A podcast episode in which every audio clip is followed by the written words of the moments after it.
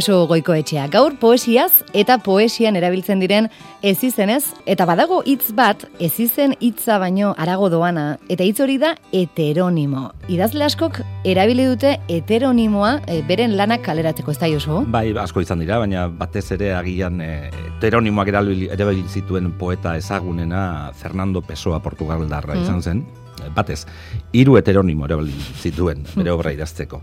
Eh, Alberto Caeiro, Álvaro de Campos eta Ricardo Reis, eh, bere izen propia gain. Eh? Aha, eta e, zertarako erabiltzen zituen heteronimo hoiek? Zergatik noiz bat eta noiz bestea? Bueno, naiz ni oso aditua, baina nik imaginatzen dut idazkera estiloak e, ba, desberdintzeko, tematika berriak probatzeko, da, mm. bueno, azken batean, ba, pesoa poetaren gandik e, aldentzeko, ez da? Poeta berriak sortuz. Mm -hmm. Poesia lanetarako heteronimo erabili duen idazle baten Edorta Jimenezen liburu bat, ekarri duzu. Bai, aragizko e, amoreak du izen burutzate liburuak, mm eta Omar Navarro da poetarin izena. Heteronimo hori erabili du, Edorta Jimenez idazle ezagunak bere obra poetiko osoan zehar.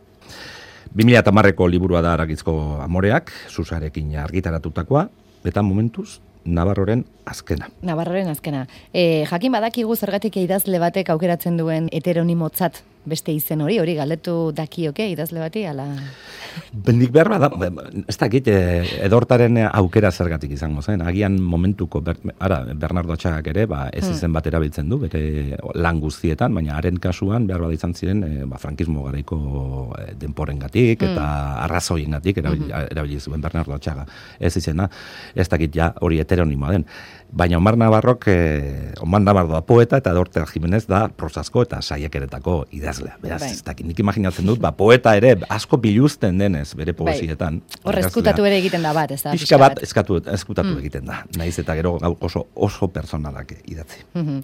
Bueno, ba, ekin dieza jogune aste honetakoari, aragizko amoreak, eh, esan zen idanean, egia da, lendabiziko burura etorri zitzaidana, estok amairu liburuaren azala. Izan zela, Edorta Jimenezen eh, azale, bueno, ba, pixkate, polemika txua, esango dugu, horre, mm -hmm.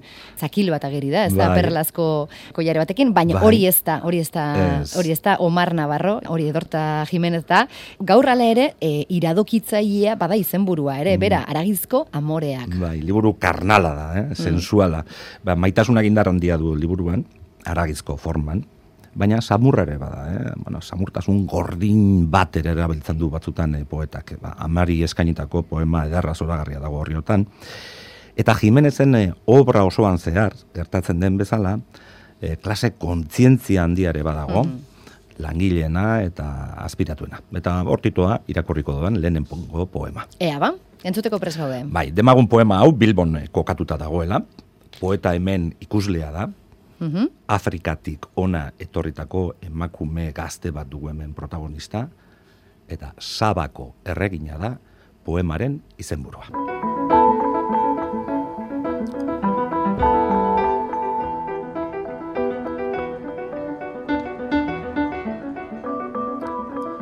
Behatza azalak more, oinak agirian, orkatiletan perlak, soin luzean praka, zuri arizkoak eta likrazko jaka, sabako erregina autobusaren zain. Pilea leporaino luze farfaiak gingiletan, MP irua edo laua belarrietan joka, dance, house, reggae, indi ala txilauta. Zabako erregina lanera bidean. Apaletan aukeran prezio merkean espezieak, tea, perfume usainak. Doan haren irriak, zein eder Espainiak. Zabako erregina supermerkatuan. Kutsako hilaran ni eta beste aldean bera uniformean izena agerita, okerrezpanago, ani ge makeda. Zabako erregina, kajera lanean. Beste esklabo bat esklabo katean, begiz lastantzen dut goizean bezala, eguna amaituta berriz dagoela, sabako erregina, autobusaren zain.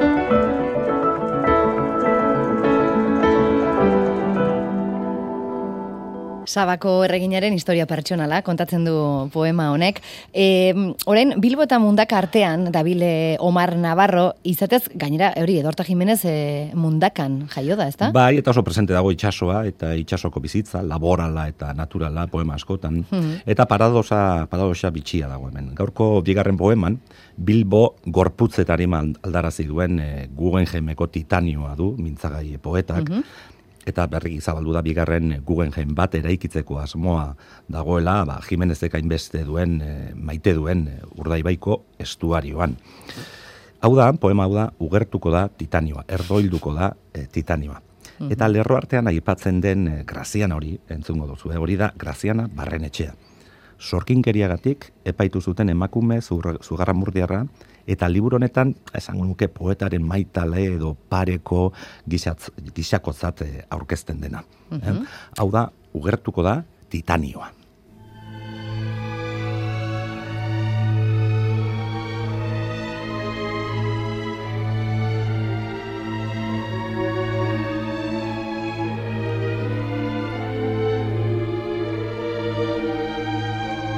Molekula egitura demonioa, burdina ugertu oiden legez, egon egotearen egote utxez, urdinduko da inoiz titanioa.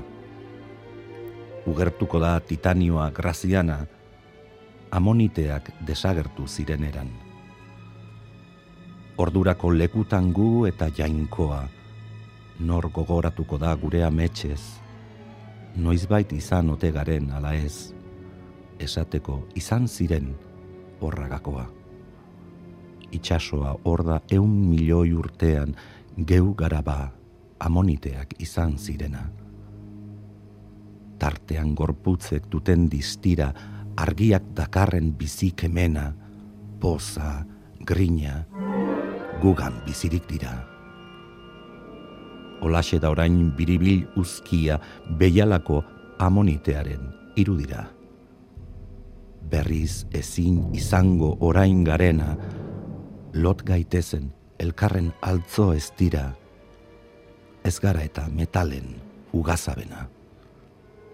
Aragiaren malgua ara, begira, hor gorderik dena, zinez da guria.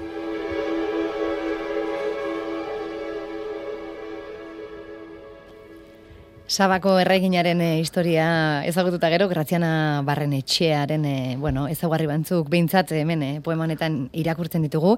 Eta azken poemak Josu, e, sagarrarekin lotura du? Bai, e, askotan azaltzen da sagarra liburu honetan, sagarraren mm. simboloa liburu osoan ageri da. Mm, tentazioa. Bai, tentazioa, bakizu, ba, edeneko sagarra, ez da? Mhm. Baina hemen bada baita ere bizitzaren, amodioaren eta aragiaren e, simboloa, ez da? Mhm talako batean, bueno, gozatzen dugu sagar hortaz, baina alako batean sagarra adarretik erortzen da. Da horri buruzkoa da Joan Libre izeneko poema ederre ederrago. Entzun dezagun.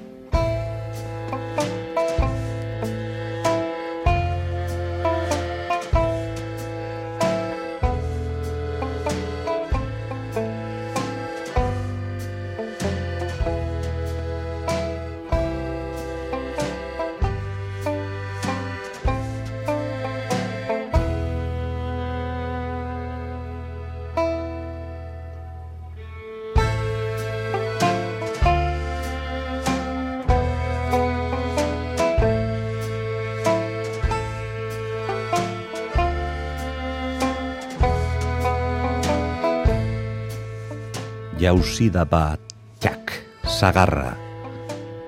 Eta ez da ez hil, eguzkia.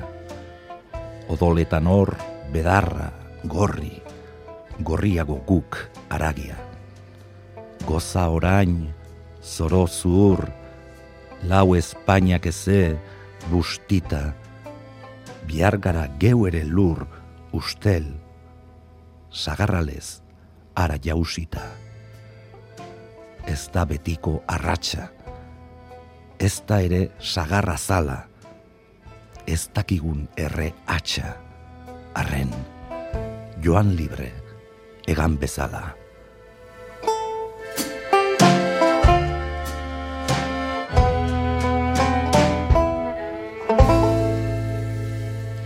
Sabako erregina, ugertuko da titanioa eta joan libre. Baskarrik asko josu, ukertu gabe, baina zoaz libre zu ere, bale? Eskerrik asko, Ainoa. Aio.